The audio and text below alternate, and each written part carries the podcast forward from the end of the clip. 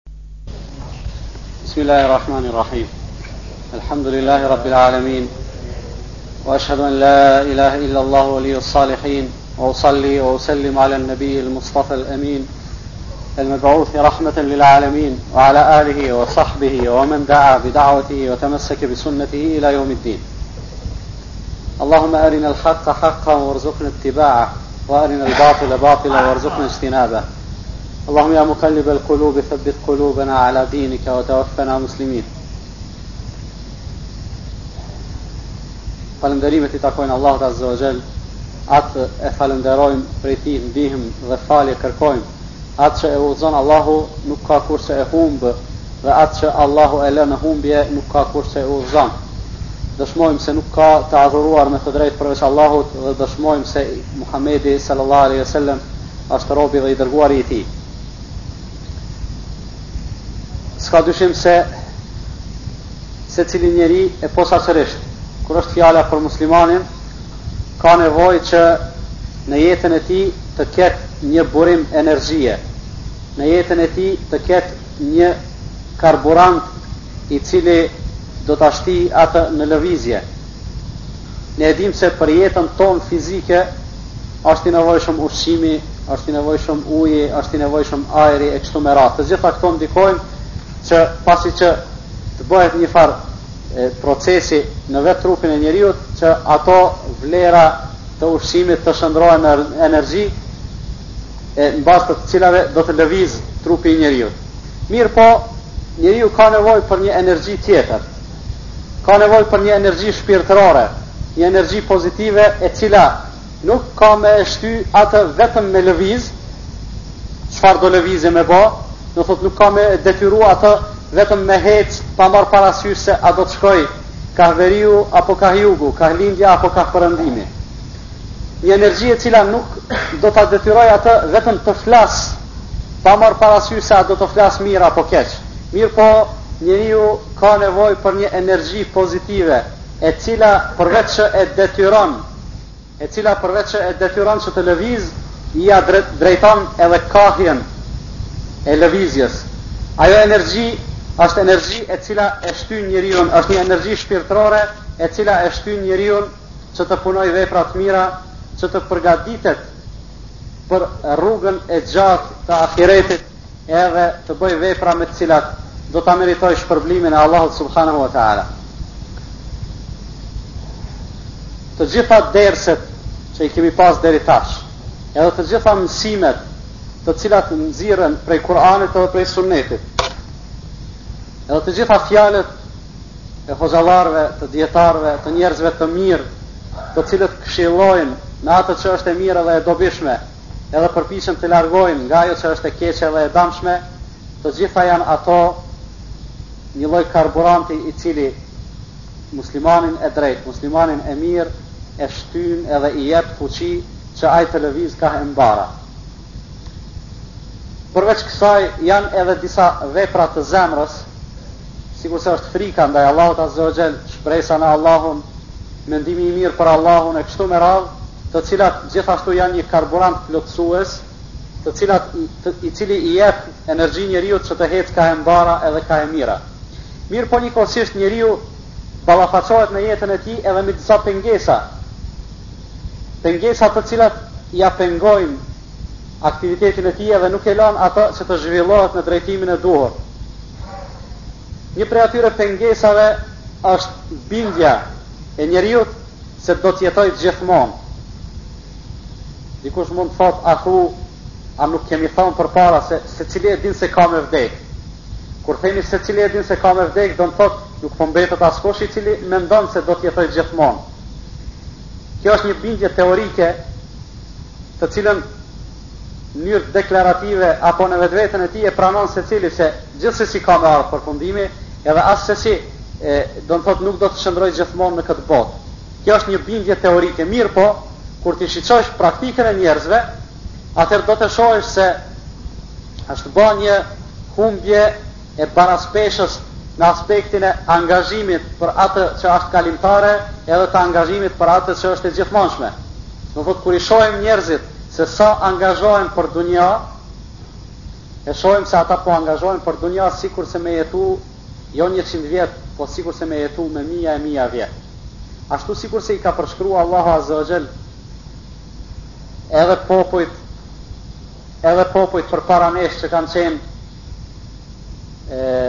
se kanë ndërtuar pallate fortifikata nëpër bjeshkë edhe i kanë gdhendur shkëmbit për t'i ba shtëpia. Gjithashtu edhe njerëzit sot nëse i shohim mënyrën se si po i ndërtojnë sot shtëpi edhe mënyrën si ka qenë para pesëdhjetë viteve edhe e krahasojmë edhe me mënyrën si ka qenë në kohën e Resulullahit sallallahu alejhi ve sellem do të shohim se është një Është një dallim shumë i madh. Pse një shtëpi e cila ndërtohet sot, ndoshta sipas llogaritjeve në aspektin e dunjas mund ta ketë afatin e qëndrueshmërisë ndoshta pesëqind vjet. Prandaj ai njeri i cili e bën një angazhim kaq të madh dhe një lodhje kaq të madhe, ai mundet me thonë se unë e di se shpejt ka me vdek, mirëpo veprat i ban sikur se me jetu pesëqind vjet. Prandaj është një problematik me të cilën ballafaqohet, po them posaçërisht muslimani, do thotë ballafaqohen njerëzit në përgjithësi, mirëpo me të posaçërisht ballafaqohet muslimani e ajo është problematika të cilën në gjuhën arabe e quajnë apo në gjuhën e Islamit e quajnë tulul emel, shpresa e gjatë, shpresa e pafund, ymydi i pakëputun, kur njeriu mendon se Ka vakt, vdekja hala është larg. Do të thotë, nuk ka ende bindje, nuk ka ende bindje në fjalët e Allahut Azze ue Xhel.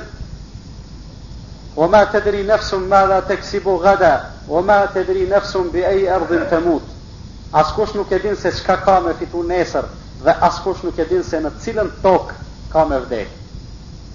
Në cilën tokë do të thotë Nuk je i sigurt se a ke me vdek në vendin në të cilin ke lind, apo ke me vdek në vendin në të cilin do të udhëtosh sonte apo nesër. Do thotë vdekja është një gja e cila vjen papritmas. Mirëpo, në praktikën e secilit njeri, kjo ka kjo bindje ka përkthime të ndryshme. Dikush e kupton një gja të tillë, sikurse kanë qenë njerëzit e mirë përpara, Dikush edhe përgatitet, do të thotë është i gatshëm në çdo moment, duke e pasë parasysh se ajo vjen befas edhe nuk ka afat të caktuar.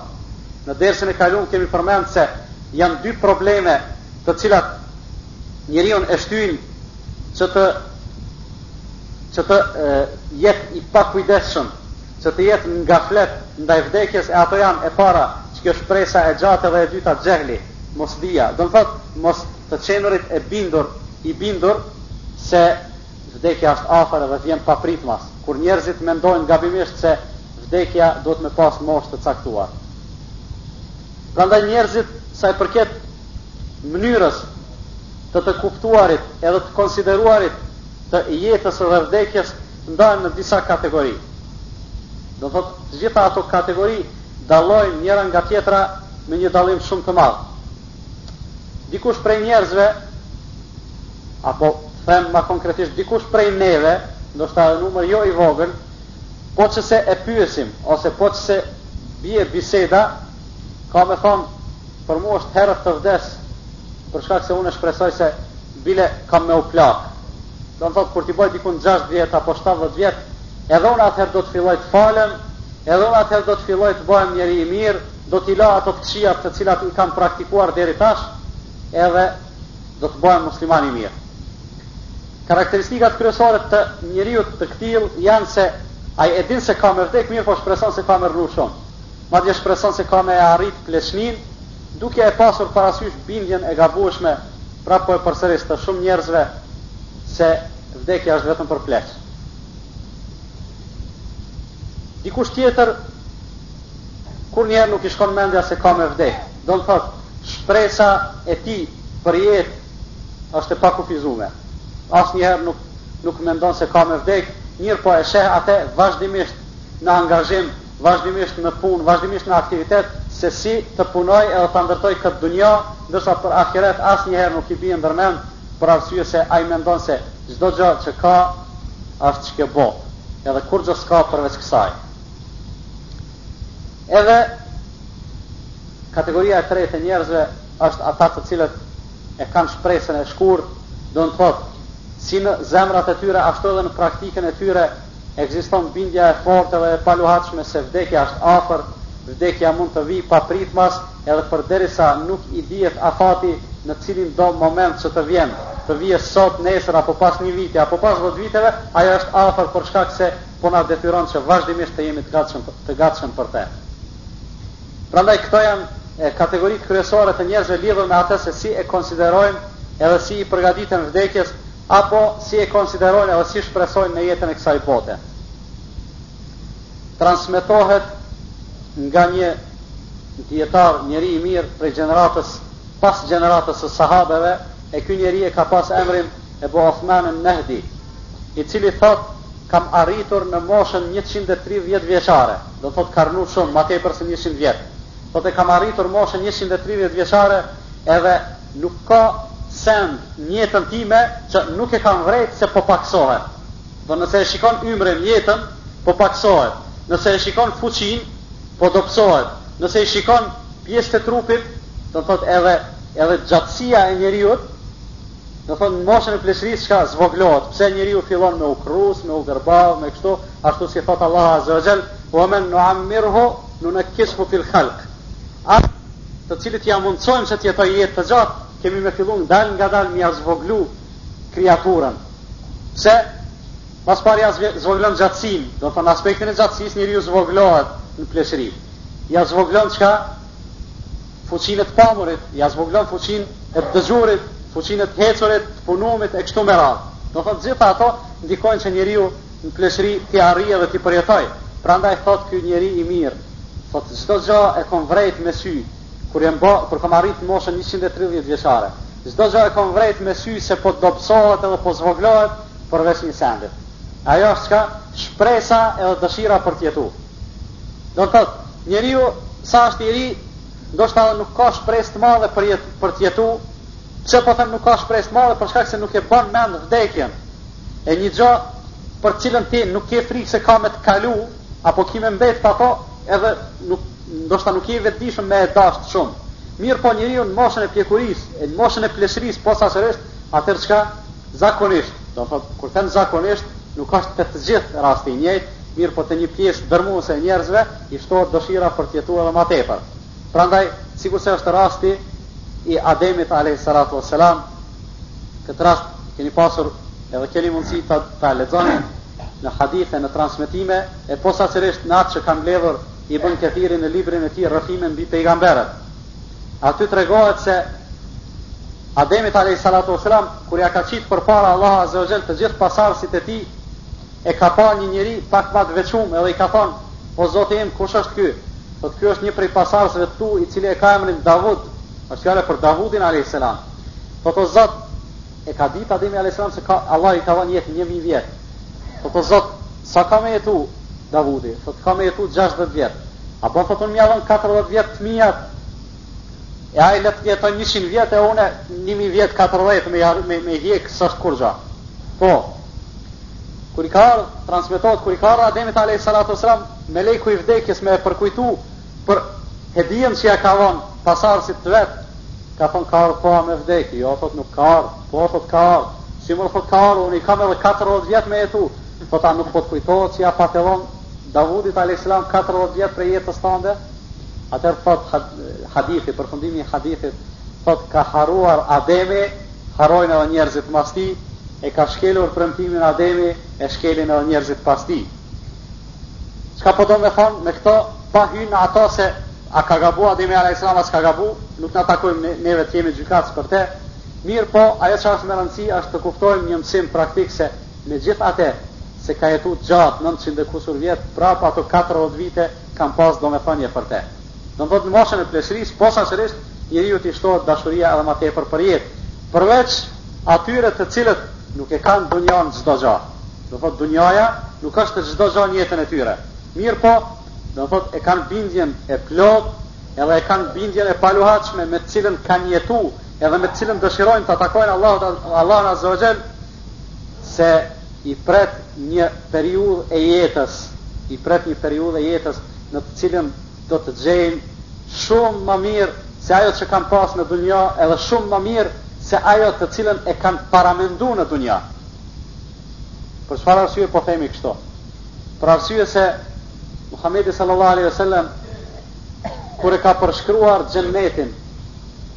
Ka thënë fiha ma la aynun ra'at wa la udhunun sami'at wa la khatara ala qalbi bashar.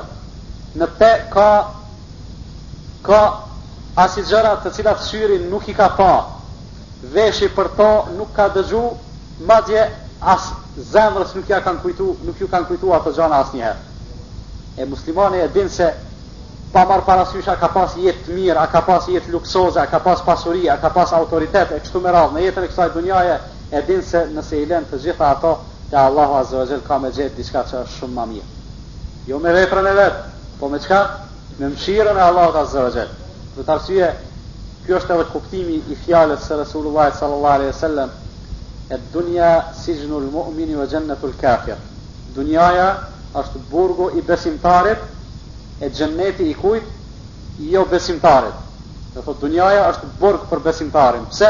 Për shkak se nëse krahasohet me atë çka e pret besimtarin në ahiret, atëherë kjo gjendje, pa marrë parasysh edhe nëse je njeriu ma i pasur në botë, edhe nëse je, po them kushtimisht, Sulejmani alejhi selam, i cili nën pushtetin e vet i ka pas krejt dunjanë, e ka pas edhe njerëzit edhe xhinnët edhe shpezët edhe kështu me radhë, do të thotë, gjithë kjo, gjithë ky pushtet, edhe gjithë kjo pasuri, edhe gjithë këto të mira, për Sulejman, Sulejmanin alejhi salatu vesselam, kanë qenë hiç ma shumë se burg. Pse? Për shkak se Sulejmani, alejhi salatu ue selam, ka qenë prej pejgamberëve të Allahut, e për pejgamberët e Allahut ne e dimë se e kanë të garantuar shpëtimin edhe xhennetin. E nëse krahasohet jeta e Sulejmanit, alejhi salatu ue selam, në dunja edhe jeta e tij në ahiret, dallimi do të jetë shumë i madh. Mirëpo, nëse e krahasojmë e marrim jomuslimanin, Pabesimtarin, kafirin, i cili n'jetën e kësaj dunjaje e ka pas jetën ma të vshtirë edhe ma të vrashtë, edhe ma i varfëri, edhe ma i smuti edhe ma kështu me radhë. Kjo do të jetë xhennet për ta, nëse ai vdes në gjendje të atillë, në krahasim me atë çka do të gjejë tek Allahu azze ue xhel. Prandaj, kjo është krahasimi i dunjas me ahiretin. Transmetohet kur flitet për shpresën e gjatë apo shpresën e shkurtë, domethënë kur njeriu mendon se ka me jetu akoma shumë, edhe tjetri kur mendon se vallahi ka met shumë pak prej jetës, e e din, e secili prej neve e din, nëse kemi me u përgadit për një rrugë apo për një punë, mirëpo koha e përgatitjes është shumë e shkurtë, atëherë çka bojmë na? Mo nuk hecim, po ngajmë, Mo nuk, nuk e punojmë një punë për një orë, mirëpo i punojmë pesë punë për një orë. Mundohemi me i kry të gjitha punët për një kohë të shkurtë, pse? Për shkak se ajo çka po na pret, për cilën na duhet me u përgadit, ajo është shumë afër. Prandaj njerëzit të cilët konsiderojnë se vdekja është shumë afër, i ngjajnë atij shembullit të cilit rrëfehet nëpër libra e të cilin e transmeton gruaja e tij, pas ka qenë një Habib Ebu Muhammed, e ka pas emrin, e gruja e tij thot gati thot më thojke burri jem, qaj Ebu Muhamedi, shiço thot nëse vdes sot, bonja zo filanit edhe thuj ai le t'ma lan xhenazën, boni zo filanit ai le t'ma fal xhenazën, boni zo filanit ai kështu, ai kështu, domethonë i lejke porosit, i lejke emanetet, sikurse një njeri tek ne, domethonë n'praktikën tonë kur E sheh ma se s'ka pshtim prej smundjes edhe tek qatëherë fillon me i lanë emanetet me gjuhën e tij. Ndërsa ky ka qenë njeri i fortë, njeri i fuqishëm, njeri i shëndoshë, njeri ndoshta edhe në moshë jo fort të shtyme, mirëpo vazhdimisht e ka porositë grunë e tij kësisoj. Pse? Pse nuk ka qenë i sigurtë sikurse jemi të sigurtë ne edhe bojmë plane çka do të bojmë nesër, çka do të bojmë sot një javë, çka do të bojmë mas një mujve, mas dy viteve, mas dhjetë viteve. Mirëpo ai për çdo ditë e ka porositë grunë e tij se nëse sot vdes kështu kështu le të ndodhë me mu. Një tjetër prej dijetarëve, i cili është i njohur edhe si dijetar i madh i hadithit me emrin Ebu Zura, i ka thonë një shokut të vet, një një një jaranit të vet, i ka thonë vallahi thot sot po du me ta thonë një fjalë të cilën s'ja kam tregu askujt përveç teje. Thot që 20 vjet rresht E fali pesë kohët e namazit i fali në xhami. Do thonë asnjë vakt s'm ka ik pa mos e fal në xhami. Edhe thot asnjëherë nuk om ka bo vaki, vaki që me dal pej xhamisë. Edhe me shpresu se kam me ardh në vaktin tjetër me e fal. Domethonë e ka fal akshamin sikur tash na që e kemi fal, edhe kur ka dal pej akshamit nuk ka qenë i sigurt se ka me ka me i bo, si thonë te ne ka me i bo exheli sabër. e ka me ardh me e fali atij. Do thotë kështu e kanë konsideruar ata jetën, edhe kështu e kanë konsideruar vdekjen. Kur ishim te planet, thamë, jo sikur na që bëjmë plane për një muaj e për një vit e kështu me radhë. Shtrohet pyetja, a thu, a nuk po bojka muslimani me pas plane afatgjata? Jo që vetëm, jo vetëm që bën, po edhe duhet me pas, e ka obligim Atëherë qysh me e bashku këto me ato që po thojmë se nuk jemi të sigurt a kemi me, me jetu deri n'jaci. Bashkimi mes tyre dy gjanave është se planet ne duhet t'i kemi nëse Allahu na jep jetë. Po njëkohësisht edhe të jemi të përgatitur nëse Allahu na e çon vdekjen. Do thot për dy e, versionet, për dy alternativat, secili prej neve duhet të jetë i përgatitur. Nëse Allahu na e çon vdekjen, atëherë ne jemi të përgatitur për vdekje. Pse?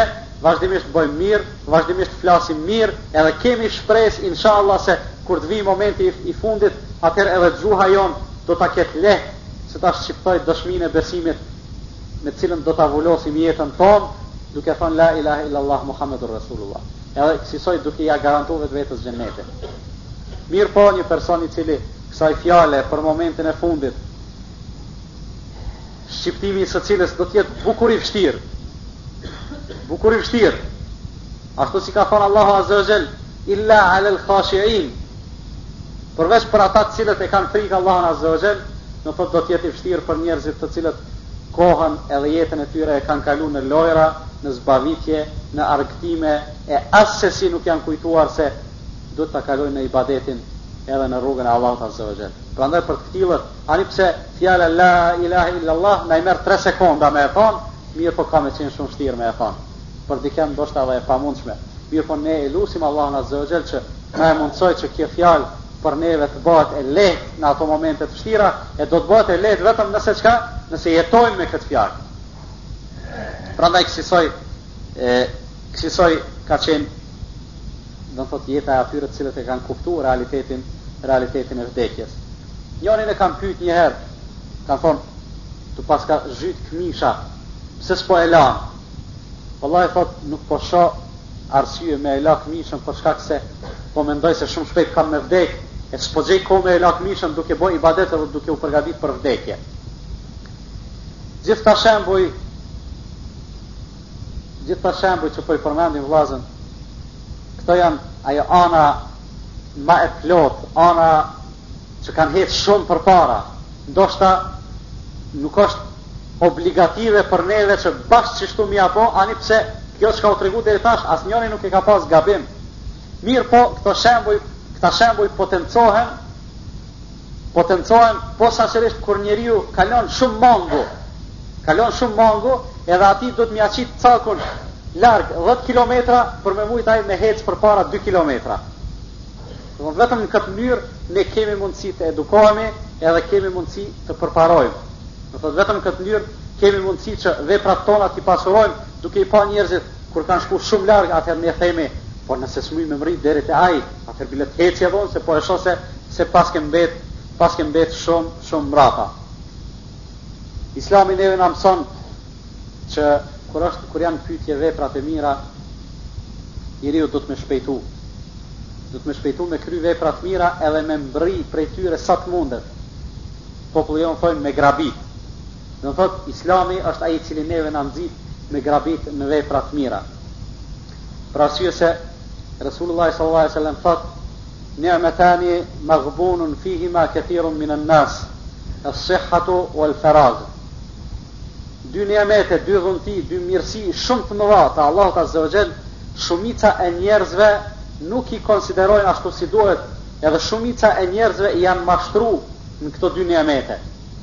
Janë mashtru do të thotë nuk ia kanë ditë vleftën. Bash kjo fjala e cila përdoret në hadith maghbun është mbiemër folior pasiv nga fjala ghabn. Ghabn është kur ti e ke një send shumë të vlefshëm, shumë të vlefshëm e vjen dikush ta merr për pak pare. E ke një send i cili ban 1 milion E vjen dikush ta merr ty për njëqind dinarë. Qikjo është qaj ghabni. Edhe kështu e ka krahasu Resulullahi salallahu alejhi ve sellem se shumica e njerëzve, shumica e njerëzve do të thotë qët gja shumë të vlefshme e shesin shumë lirë. Qëto dy gjana shumë të vlefshme i shesin shumë lirë e ato janë çka? Shëndeti edhe koha e lirë. Pse shëndeti? Për shkak se njeriu kur është i shnosh edhe kur ka mundësi edhe aftësi fizike, Punon mirëpo jo maksimum. Kur të vjen koha e sëmundjes, atëherë i jet marak, vazhdimisht i jet marak, thotë, ah, ta kësha bo edhe qët punë. Mirëpo tash, po i kushton zemra, mirëpo mundësi s'po ka, ndërsa kur e ka pas mundësin, nuk ka, nuk ka grabit, do me thonë nuk ka shpejtu që me e kry atë punë. Edhe është koha e lirë, është koha kur nuk je duke ba asgja. Fatkeqësisht, posaçërisht kjo e dyta është një sprovë shumë e madhe, është një provim i madh në të cilën shumica e muslimanëve kanë ra edhe po bijnë vazhdimisht. Se fjala ferag është kohë në të cilën nuk ban njeriu asgja, mirëpo shtrohet pytja a thu A duhet me pas muslimani feragh? A duhet me pas muslimani kohë të cilës ne i thomi e lirë, ndërsa koha në përgjithësi është e shtrejtë? A ban muslimani me pas kohë tepër që me e qitë kambën mbi kambë apo me u shtri në kokër të shpinës edhe me thonë valla s'po kam çka me ba?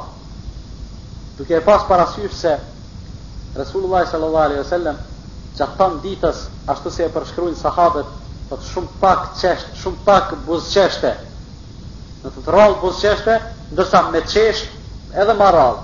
Tan kohën e tij kur nuk folte, kur nuk nuk i këshillonte shokët e vet, kur nuk i jepte nasihat çka bonte Resulullahi sallallahu alejhi ve sellem? A thu, fliste vetë me vete, apo e përkujtonte Allahun azze ve xhel, kërkonte prej tij falje, bonte istigfar, e përmendte, bonte dhikr? Resulullahi sallallahu alejhi ve sellem të cilit Allahu Azze wa Xhell ia ka falë të gjitha gabimet edhe të gjitha lshimet çka i ka bo përpara edhe çka ka pas m'i bo përmas. Të gjitha ato ia ka falë, megjithatë ai ka kërku falje Allahut ma tepër se njëqind herë në ditë. Shtrohet pyetja, a i kërkojmë ne falje Allahut Azze wa Xhell njëqind herë në muaj? Nëse këtë e bajmë, atëherë del mesatarja tri herë në ditë, prapë është një lloj suksesi duke e pasë parasysh se sa larg jemi. Do thotë nëse e bajmë njëqind herë në muaj, atëherë së paku sa herë të ushqehemi në ditë për çdo racion kujtohemi që të kërkojmë falje prej Allahut azze ve xhel. Mirëpo, edhe këtë minimum a thu a e bajmë apo jo. Dikush thotë unë e kam këtë edhe këtë edhe këtë gabim. Tjera s'kam. Me një fjalë, sikurse me e konsideru veten në të gjitha aspektet i përkrymë, përveçse një, dy apo tri aspekte apo edhe dhjetë në qofshin, mirëpo ato të jenë të numëruara, do të thotë të ketë mundësi t'i numëroj.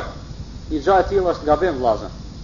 Për arsye se secili prej neve e njef vetveten. Edhe secili prej neve e din ma mirë se të gjithë të tjerët, përveç Allahut, se sa i keq është.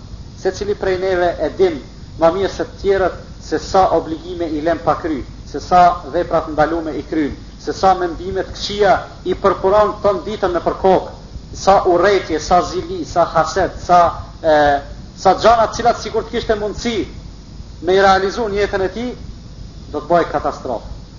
Secili prej neve është i vetëdijshëm për këtë gja, secili për veten e vet. Prandaj nëse dikush të thotë ty ti je i keq, Ti në vetveten tonde thuj, vallahi, unë jam ma i keq se sa kujton ti. Se ai ndoshta kur thotë je i keq, ai nuk e din se je i keq, vetëm t'ka inat, mirëpo ti i din t'metat e vetes tande. Sikurse një prej muslimanëve të parë, njoni e ka sha, do të thotë e ka fy, e ka ofendu me diçka, thotë vallahi, thotë mes meje dhe teje është një pengesë, të cilën nëse unë e tejkaloj, atëherë do të jem më i mirë se sa po thu ti. Po nëse unë nuk e tejkaloj atë pengesë, atëherë ajo është, unë jam shumë më i keq se sa po mendon ti për mua. Edhe Ebu Bekrin, radijallahu ta'ala anhu, kur e ka lavdu dikush në sy, ka folë dikush mirë për te, ka thonë, e ka bo një dua, ka qajtë, thonë, ka qajtë, Edhe e ka bo një dua, pse ka qajt, kur njerzit t'lavdojnë, a kur në praktikën tonë është kur njerzit t'lavdojnë ne i ngrijm i ngrisim krahët lart edhe edhe na vjen mirë edhe na bohet qejfi, ndërsa Ebu Bekri radijallahu ta'ala anhu ka qajt, a thu ne jemi ma të mençëm edhe ma të mirë se ai apo ai ka qenë ma i mençëm, ai ka dit diçka çka na s'po dim. Sigurisht është kjo e dyta, e ka thonë një fjalë e cila meriton të shkruhet me ari, edhe e cila meriton të mbahet mend E ajo fjalë është, Allahume la tuakhidhni bima jekulun, O Allahu im, mos ma zë mu për të madhe çka po flasin këta. Ani pse po më lavdojnë, e nuk është mirë me e lavdu njerin se i rritet mendja, thotë mos ma zë për të madhe çka po flasin këta, se vallaj unë s'po kam qef me më lavdu. Vexhalni khajra mimma jedhunnun, edhe mu banëm ma të mirë se sa mendojnë këta për mu. Më thotë, bënëm hala ma të mirë se sa këta mendojnë se unë jam i mirë. Vagfir li ma la jalemun, edhe mu m'i fal ato gjynahe të cilat këta nuk i dinë se unë i baj ose i kam bërë. Prandaj kësisoj njeriu duhet të konsideroj.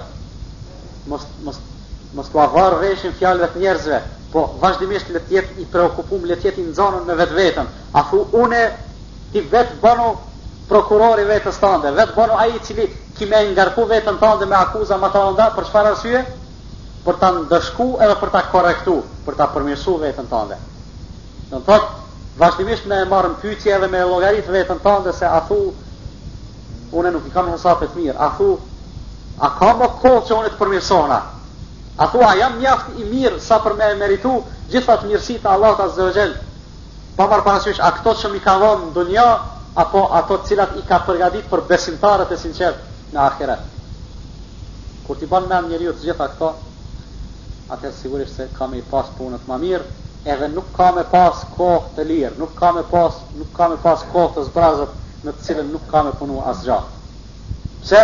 Për shkak se ka me e shfrytëzu Shumica prej tyre kanë dalë në pension para kohe. Për çfarë arsye? Për shkak se shnetën e kanë lënë në punë për me fitu sa ma tepër edhe me i ndihmu familjes. Dikush prej tyre ndoshta i ka punu dy puna, dikush tri puna e kështu me radhë. Pse? Vetëm për me fitu sa ma tepër. E për çka me fitu? Me t'ardh ty momenti i vdekjes. Me t'ardh momenti i vdekjes. Hala pa e marrë ti rrogën për cilën po punon. Çka ke bo? Ke punu për tjetër kend, do thonë për tjetër kam ke punu. Mirë po çka punove ti për vete? Pse s'po punon diçka për cilën edhe nëse të vjen vdekja, rroga ka me të ardhë.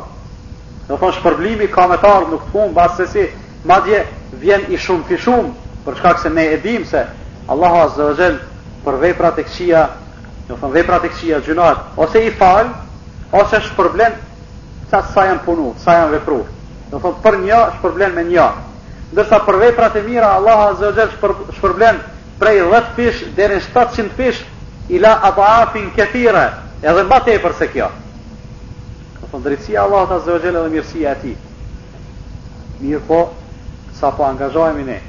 Do thonë je në gjendje me e lanë shëndetin, për familje, je në gjendje me e lanë edhe jetën për familje, mirëpo nuk je në gjendje vetvetes mas pari me ia siguru një jetë të mirë edhe një jetë solide apo së paku një shpëtim, do thonë së paku një shpëtim kur do të dalësh para para Allahut azza wa jall. Resulullah sallallahu alaihi wasallam një herë e ka këshillu një njeri, do thonë dikon prej shokëve të tij, Edhe në mes tjerash i ka thanë, Ightenim khamsen qabla khams, Shfrytëzoji pesë sende, pesë gjana, para se me të ndodhë dhe me të ardhë pesë gjana tjera.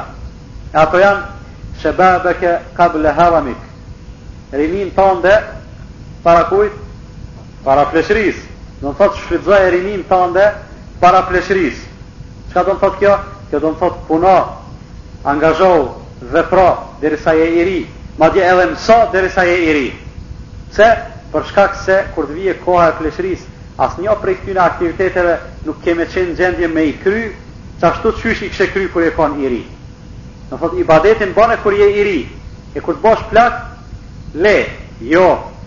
Po bane kur je i ri, e ban ma të mirë, ma të fortë, ma të bukur, ma me sinqeritet, e kur të jesh plak, Sevapi vazhdon, shpërblimi vazhdon të të vijë qashtu qysh e ke punu kur je kon në fuqi, për shkak se është rregull te Allahu azze ve xhel që kur njeriu e shfrytëzon mundësinë maksimale të cilën ia ka dhënë Allahu azze ve xhel, i shfrytëzon për punë dhe për aktivitet, kur Allahu ia kufizon qat mundësi, shpërblimi ka me i shku qaq sa ka punu kur ka qenë në kulminacionin e forcës. Pse, thotë Resulullahi sallallahu alejhi ve sellem, Idha merida al-abdu aw safar kutiba lehu mithla ma kana ya'malu sahihan muqima. Kur njeriu smuhet apo kur udhëton, i shkruhen sevapet sikurse ka punu kur ka qenë i shnoshë edhe kur ka qenë në vendin e vet. Do të thotë, nëse ti duke qenë i shëndoshë i ke fal pesë vakte s'po flasim, kjo, do të thotë çështja e faljes së pesë kohëve të namazit është një gjë e cila nuk i nënshtrohet diskutimit. Prandaj kur them me fal, e kemi fjalën me i fal pesë kohët e namazit po se po, po i ke falë edhe sunnetet, i ke falë edhe nafilet, i ke falë edhe namazin e natës, i ke falë edhe namazin e paraditës. E kur të smuhesh, nuk mundësh me i falë gjitha këto, ndoshta nuk mundësh me i falë as sunnetet, ndoshta detyrohesh edhe farzët me i falë ulun apo shtrirë. Ndoshta detyrohesh me i falë vetëm me isharet edhe me numër ma të kufizum të rekateve. Çka bahet? Shpërblimi t'vjen ty qashtu qysh ke punu kur je kon i fortë. Domethonë shpërblimi te Allahu azze ve xhel. Rroga, pagesa t'vjen sikurse kur ke punu me orarin e plotë të punës. Çkjo është mirësia e Allahut azze ve xhel. Edhe çkjo është kuptimi i asaj shfrytëzoji pesë gjana para se të të arrijnë pesë tjera, shfrytëzoje rininë tande para se me të arrit pleqëria. Këtu në këtë temë apo në këtë pikë, ndoshta kish me qenë mirë t'i bojmë disa këshillime të lehta së parit duke kërku që askush të mos e ndi veten të ofendum assesi, Allahu na rujt prej asaj në mesin tonë, po flas, po flas konkretisht për neve Ekziston, deshëm ta pranojmë apo nuk deshëm, një një lloj dallimi mes të rive edhe pleqve. Kur them dallim nuk e kam qëllimin as për pamjen e jashtme pse të ritë po i lëshojnë mjekrat e pleqtë s'i kanë, as për formën e namazit pse të ritë po falen pak ma ndryshe e pleqtë ma ndryshe. Mirëpo e kam fjalën në përgjithësi, posa ta shohin a është i moshës ma të re apo i moshës ma të vjetër, në sy të njëri tjetrit ekziston dallimi. Një gjë e tillë s'duhet me ekzistu te muslimanët. Po e lamë, prap po, po them, po e lamë anën formale. Mirëpo, në zemrat tona jemi të obligum të jemi vëllazën, edhe ta konsiderojmë njëri tjetrin vëlla. E këtë mund ta bëjmë vetëm nëse i tejkalojmë të gjitha barrierat, të gjitha pengesat, edhe si të riun, si plakun, si plakun e konsiderojmë vëlla për hir të Allahut azza wa jall, edhe e dojmë ashtu si na ka porositë Allahu edhe i dërguari i tij. Në anën tjetër po them pleq. Përpara na e dim para 15 vjetëve apo 20 vjetëve, tetë xhemati kanë qenë pleq. Ndoshta mosha ma e re ka qenë dikush që i ka pas 45 apo 50 vjet.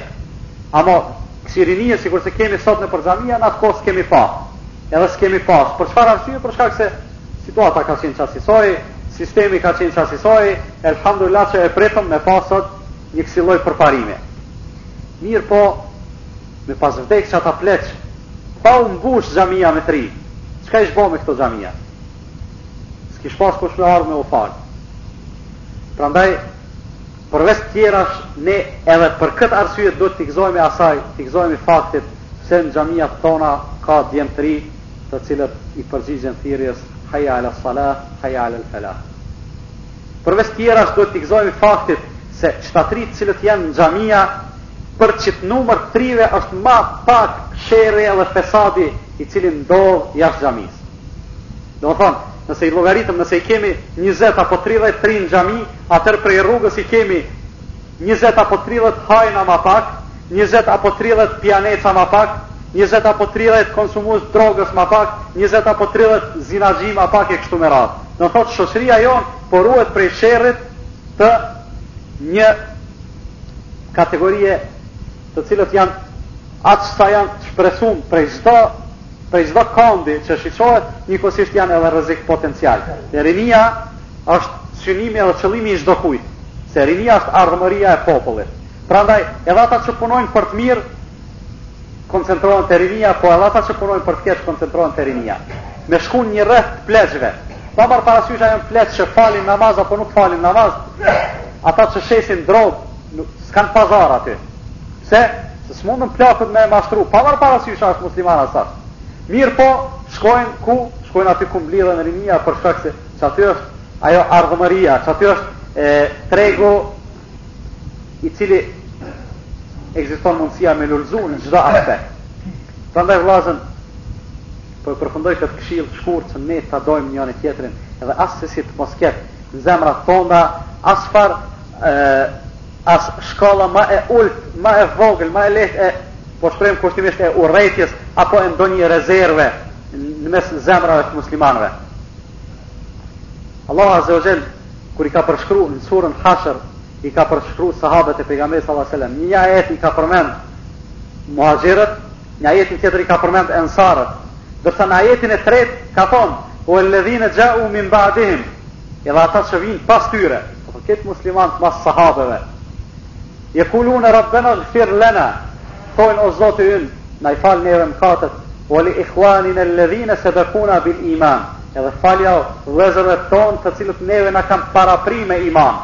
Do të thotë njerëzit nga gjeneratat që kanë kalu para neve, po edhe njerëzit të moshave ma të vjetër se na, edhe me përvojë ma të ma të madhe se na në Islam. O Zoti ynë falja mëkatet gjithë atyre. Do të thotë kjo është ajo lidhmëria mes muslimanëve, të cilën ne duhet ta kultivojmë edhe nëse shohim, nëse vërejmë se është paraqit ndonjë defekt, sado i vogël që të jetë, menjëherë duhet me ndërmarrë masa. Si ndërmirren masat, duke e thirrë mjeshtrin për cilin ne kemi besim se ka me e shëru këtë problem edhe këtë defekt, e në këtë rast ata janë njerëzit që e njohin dinin e Allahut azze wa xhel. Prandaj njeriu duhet me e shfrytëzu rininë para se të arrijë pleqëria, edhe kjo është e drejta e secilit, madje obligimi i secilit, edhe nëse ibadetin e ban duke qenë i ri edhe i fortë ashtu si duhet, atëherë edhe në moshën e pleqërisë shpërblimin ke me e pas të plotë, edhe nëse Fuqia jote është e kufizume se Allahu azze wa xhel nuk gjykon sipas mundësisë, po gjykon sipas dëshirës, sipas asaj çka të kushton zemra, sinqerisht. Tjetra, thotë wa sihhateke qabla saqamik, dhe shfrytëzoje shëndetin tand para se të smuhesh. Wa ghinake qabla faqrik, dhe shfrytëzoje gjendjen tande të pasurisë para se të bëhesh i varfër. Do thotë, sa ke mundësi materiale, shfrytëzoje, puno, bon vepra të mira, para se të vijë koha kur nuk ke me pas, e masanej të shkon mendja e thu, valla të kisha pas, edhe unë kisha me investu në xhami, valla të kisha pas, edhe unë kisha me ndërtu një diçka ça ka me qenë hajr për muslimanë. E kështu me radhë.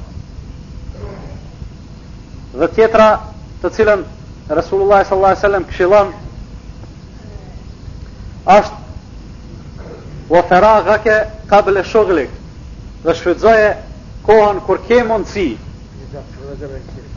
shfrytëzoje kohën kur ke mundësi të punosh para kohës kur do të jesh i zanun e nuk do të kesh kohë të punosh edhe të angazhohesh wa hayataka qabla mautik edhe shfrytëzoje jetën tënde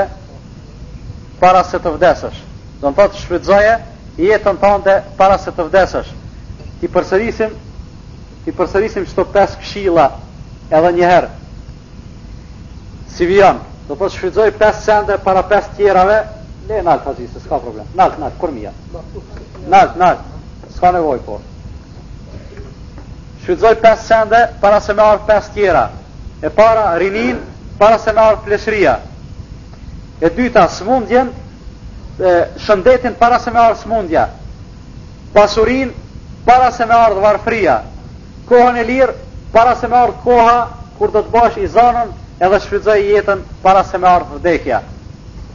Nëse secili prej neve i shfrytëzon të gjitha këto ashtu si duhet, atëherë sigurisht se ka me fitu shumë, përndryshe, sikur të mos ishte kjo gja me randësi, atëherë kshilla e Resulullahit sallallahu alaihi sallam, nuk do të kishte nuk do të kishte arsye as nuk do të kishte logjikë. Në këtë temë, edhe në temat e ngjashme vllazën ka shumë për t'u thënë. Do të thotë është temë për të cilën kemi mundësi të flasim vazhdimisht edhe të mos ja japim hakun ashtu si duhet. Mirëpo, njëkohësisht e kemi parasysh fjalën e Resulullah s.a.s. se fjala ma e mirë është ajo e cila është pak Po ka kuptim. Dikush mundet me thonë, atëherë ma mirë është me folë 5 minuta se sa me folë një orë. E ne e kemi bërë traditë që në këto derset tona flasim për afërsisht një orë, jo pse s'kemi mundësi me i shkurtu ose s'kemi mundësi të gjitha këto çka i thamë, me i thamë për kohë ma të shkurt, mirëpo po e shoh se të gjithë në përgjithësi edhe po kemi nevojë, po edhe po kemi dëshirë e gatishmëri për të dëgju, se me të vërtetë janë takime relativisht të pakta këto që një herë në një në javë takemi nga një ders. Megjithatë, prap, edhe ajo që është pak është ma e mirë se sa ajo që nuk ekziston hiç. Këto këshilla apo këtë temë po e përfundojmë me sonte e inshallah në dersin e ardhshëm, nëse Allahu na e mundson. Do të thotë na po bëjmë plan, mirëpo duke e pas parasysh se nëse vjen momenti, atëherë nuk do të kemi mundësi që sot një javë të prezentojmë. Do thotë me kaq po e përfundojmë duke mbetur me shpresë se Allahu Azza wa Jall do të na e mundësojë të takohemi prapë ose nëse dikujt prej neve ia merr shpirtin, atëherë kjo të jetë duke pas bindje të plotë dhe të mirë në Allahun Azza wa Jall, edhe që në ditën e gjykimit të na takojë atje ku është vendi më i mirë. Me kaq po e përfundojmë duke lënë Pakëz hapësirë për pyetje, të cilat ka mundësi të jenë lidhur me temën, do të thotë, iu kishim dhënë përparësi pyetjeve që kanë të bëjnë me temën, apo edhe që s'kanë të bëjnë me temën, vetëm le të jenë pyetje të cilat kanë të bëjnë me me fenë tonë, e ne do të përpiqemi inshallah që t'u përgjigjemi atyre pyetjeve për të cilat kemi mundësi.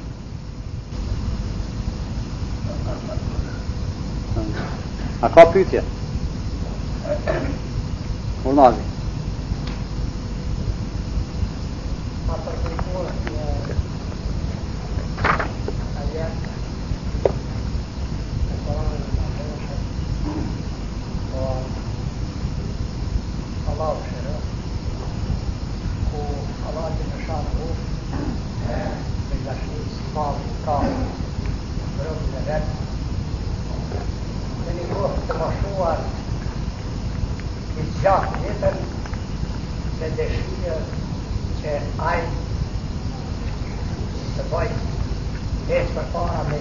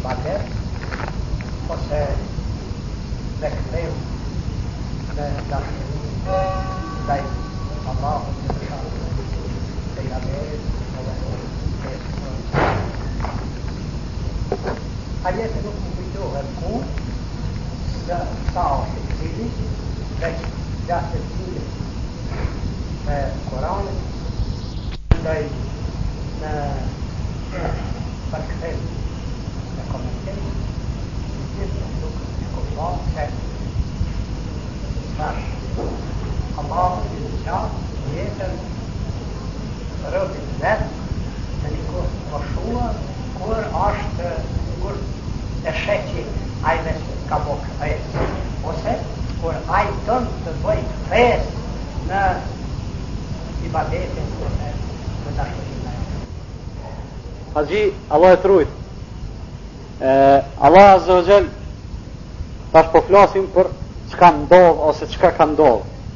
Po një njeri jeton një kohë të gjatë po e zëmë në xhahilijet, dhe Allah Azza wa Jall ja bjen vdekjen qashtu qysh ka jetu. Një njeri tjetër jeton jashtë Islamit, mirëpo para se me vdek një kohë të caktume, duke qenë hala i fortë, jo kur vjen shpirti n'fyt. Allah Azza wa Jall ja mundson me u kthy rrugës së drejtë. Edhe përfundimi, po e përsërisim ato çka e kemi thënë shumë herë përpara, se veprat vlerësohen sipas përfundimit. Edhe përfundimi i atij është i mirë, do të thotë jeta e tij kurorëzohet me të mirë.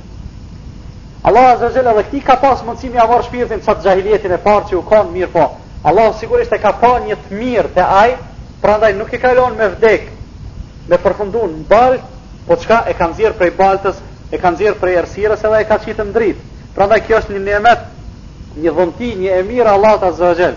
Jo vetëm ndonjë plak, po edhe të rinjtë, edhe të moshës mesatare, edhe të gjithë që duhet posaçërisht me ju falënderu Allahut Azza wa Jall që na ka udhëzuar në rrugën e drejtë, pasi që kemi qenë çka në rrugën e gabuar, apo edhe nëse dikush prej fmirisë është në islam, atëherë prapë posaçërisht duhet t'i falënderohet Allahut se sikur të mos ishte udhëzimi i Allahut, do të ishte sikurse shumë e shumë njerëz të cilët ne i shohim se jetojnë në dalalet.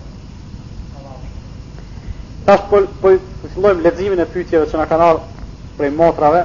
A është e vërtetë kur mendon se e ke imanin e fortë, a don të thotë se nuk e ke imanin e fort? Pa dyshim se njeriu kurrnjëherë nuk duhet me mendu për veten se është i mirë. Domethënë, kurrnjëherë mos mendo se unë, masha Allah, jam bo, jam bo dikushi, se kur të mendojsh se je bo dikushi, atëherë s'je, atëherë s'je askushi. Prandaj njeriu vazhdimisht duhet me i punu ato punë të cilat e forcojnë imanin, e ne e dimë se imani forcohet me vepra të mira. Imani forcohet me vepra të mira, ndërsa dobësohet me vepra të këqija. Edhe vazhdimisht duhet me i bo, domethënë ato vepra të mira të cilat na e forcojnë imanin, e njëkohësisht vazhdimisht duke pas frikë, duke u tut se mos Allahu na ruajt mos nuk po na pranohen, mos nuk po na pranohen veprat ashtu sikurse e ka përmend Allahu Azza wa Jall në Kur'ani Kerim një kategori të njerëzve duke thënë walladhina walladhina yu'tuna ma atau wa qulubuhum wajilatun annahum ila rabbihim raji'un dhe ata të cilët japin prej asaj pasurisë të cilët të cilën e shpenzojnë në rrugën e Allahut mirëpo zemrat e tyre qulubuhum wajila zemrat e tyre janë me dro janë me frikë prej asaj ditës kur do të kthehen tek Allahu Azza wa Jall do thotë Po jep, po kontribon, po punon, po bën ibadet, mirëpo vazhdimisht duhet me pas frikë se mos nuk jam tu e bo ibadetin ashtu si duhet, mos nuk po ma pranon Allahu azza wa jall, mos nuk jam i sinqertë sa duhet e kështu me radhë. Prandaj, njeriu kurrnjëherë nuk duhet me u siguru me thanë, valla unë jam për mashallah. Se Resulullah sallallahu alaihi wasallam duke e ditë edhe duke pas garanci se Allahu krejt mëkatet ja ka fal, prap ka kërku falje. Duke e ditë se Allahu këtë mëkatet ja ka fal, ai prap natën e ka kaluar në ibadet, e kur ja ka tërhek vërejtjen Aisha radhiyallahu anha se gjithë këtë ibadet derisa ju kanë aj komt, ka thon e fela e kunu abden shakura, a të mos bëhem unë një rob falënderues që e falënderoj Allahun azza wa jall shumë. Prandaj njeriu nuk duhet me me ra n'ato grackat e shejtanit, se një prej grackat e shejtanit është kur ta mbush mendën shejtani se ti je tu bo punë mashallah. Në atë moment, do të thotë sherri më i vogël çka të gjan është se ti nuk përparon më. Se kur të mushet mendja se ke mri boll atëherë thu s'kam nevojë më shumë me përparu. E jeta është sikurse lumi, sikurse një rrymë e ujit e cila shkon te poshtë e ti shkon në drejtim të kundërt. Nëse ndalesh, s'mundesh me qëndru një vend, uji të çon te poshtë. Ose ke me përparu, ose ke me ra te poshtë. Nëse vllau është më i madh dhe motra martohet para tij, a ka këtu ndonjë pengesë? Jo, s'ka kurrfarë pengese, përveç atyre pengesave të cilat zakonisht njerëzit tonë i qesin pa ndonjë arsye. Do të thotë nuk ka kurrfarë pengese që i riu të martohet para të vjetrit.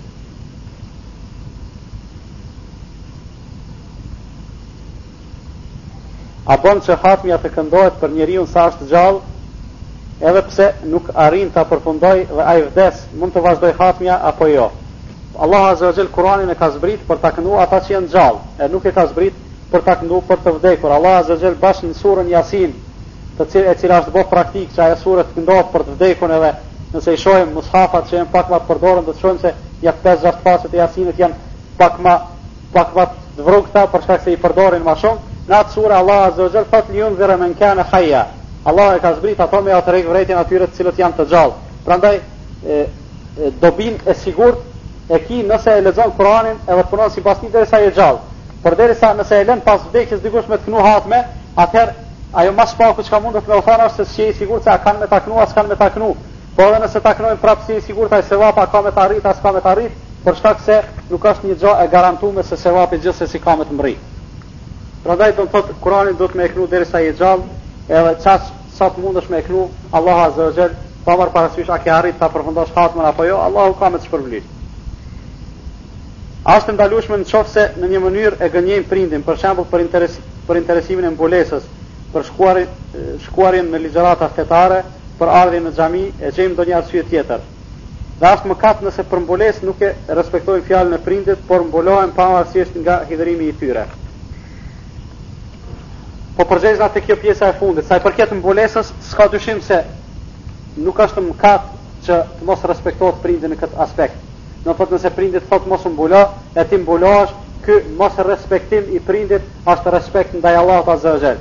E kur të vin ndesh, kur të kryqëzohen respekti ndaj Allahut dhe respekti ndaj krijesave, s'ka dyshim se përparësi ka respekti ndaj Allahut. Prandaj rregulli është të cilin duhet ta mbajmë mend se nuk bën të respektohet dikush tjetër në kundërshtim me respektin ndaj Allahut Azza wa Jall. Prandaj këtu nuk ka kompromis, do të thotë ato duhet të të kenë parasysh. Ndërsa sa i përket asaj se a bën me gënjy prindin apo mos me ia tregu të vërtetën se ku po shkon, nëse ajo të sjell problem, do të thotë nëse kur i thu se po shkoj në xhami ose po shkoj në ligjëratë ose kështu, ajo të sjell problem edhe ka me të bo pengesë, atëherë në vend se me i gënjy, ti e përdor një metodë në të cilën ti e tregon të vërtetën, mirëpo ai ka me e kuptu ndryshe.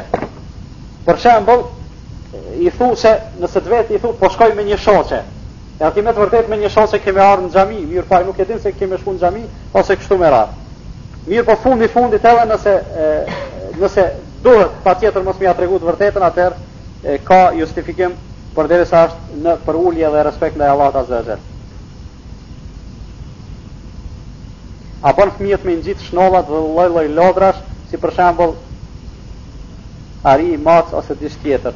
E, lodrat apo ato kukullat në formë gjallesave për fëmijë bajnë, nuk janë të ndaluara, për arsye se e, ndalesa për gjallesat, qoftë ato piktura, skulptura, fotografi e kështu me radhë, është që ato të mos zojnë vend në zemrat e njerëzve. Do thotë njerëzit mos t'i madhrojnë ato, a për fëmijët dihet se ndoshta qaty lun me atë kukull me atë, si të nervozohet e kap edhe e hedh për tokë. Kështu që nuk ka ndonjë pengesë, do thotë kjo është përgjigje me argumente, edhe kësaj. Sa i përket zbukurimeve, stolive të fëmijëve, të cilat janë e, të njohura, do thotë për moshat e vogla të fëmijëve, s'ka edhe aty ndonjë pengesë që e, që të përdoren.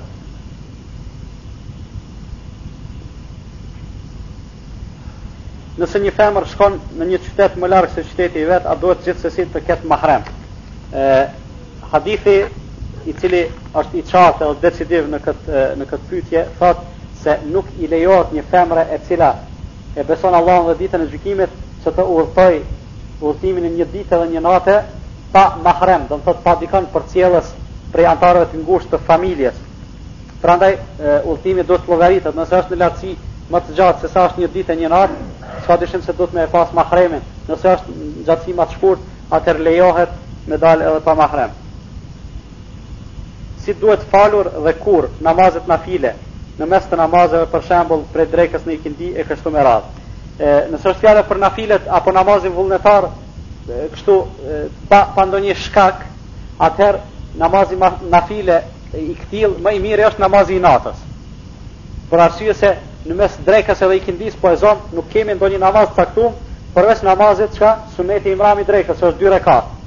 Eventualisht mundesh ti me e fal për shembull kur të hysh në xhami para ikindis, i fal dy rekat përshëndetje xhamisë, apo kur të marrsh abdes në shtëpi para ikindis apo mas dreke i fal dy rekat për shkak të e, për shkak të abdestit, mirëpo bash namaz nafile veç për qejf në mes drekës dhe ikindis, nuk dihet se ka fal pejgamberi sallallahu alaihi wasallam. Prandaj në ibadet duhet çdo hap me përcjell Resulullah sallallahu alaihi wasallam.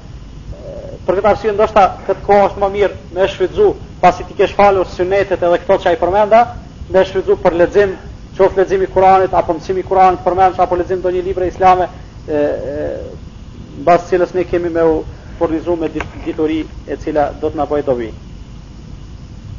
Po që se vendos të mbulohesh dhe prindi ta kushtëzon se nëse mbulohesh do të largojë nga shtëpia si të veprojnë.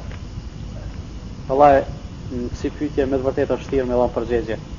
Megjithatë duhet Njeriu duhet me me luftu. Kur them me luftu, nuk e nënkuptoj atë luftën e armatosur, po duhet njeriu me qenë këmbëngulës në parimet e veta, e një pjesë e kësaj lufte, një pjesë shumë e fort, është që njeriu të lidhet me Allahun Azze ve Xhel, edhe të kërkojë sinqerisht prej Allahut që me ia hapë rrugën edhe me e shpëtu prej, prej, prej skëterre edhe prej errësire.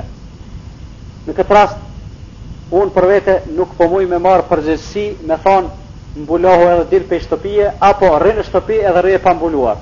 Për shkak se është përgjegje për cilën vështirë është, është pyetje për cilën vështirë është me dhënë përgjegje decidive. Mirëpo, do të mundona me i dhënë do këshilla praktike, ajo është, do të mundohesh vazhdimisht që prindit me ia zbut zemrën, me fjalë të mira, duke i dërgu Allahut Azza wa Jall lutje, Pas namazit apo në pjesën e tretë natës në kohën kur lutjet pranohen edhe nuk kthehen që Allahu Azza wa Jall atij prindi me ia zbut zemrën, që ai jo vetëm se ka me të thonë mbulohu dhe rri në shtëpi, mirëpo ka me ju zbut zemra aq shumë saqë për atë hap të cilin ti e ndërmerr, ai ndoshta edhe ka me ta blen ndonjë dhuratë ose ka me ka me të nderu disi. Me të vërtetë është situatë e vështirë kur njeriu gjendet në kësi situate. Unë për vete kam dëgju raste edhe ma t'randa të cilat fatkeqësisht këtu te na në Kosovë po ndodhin.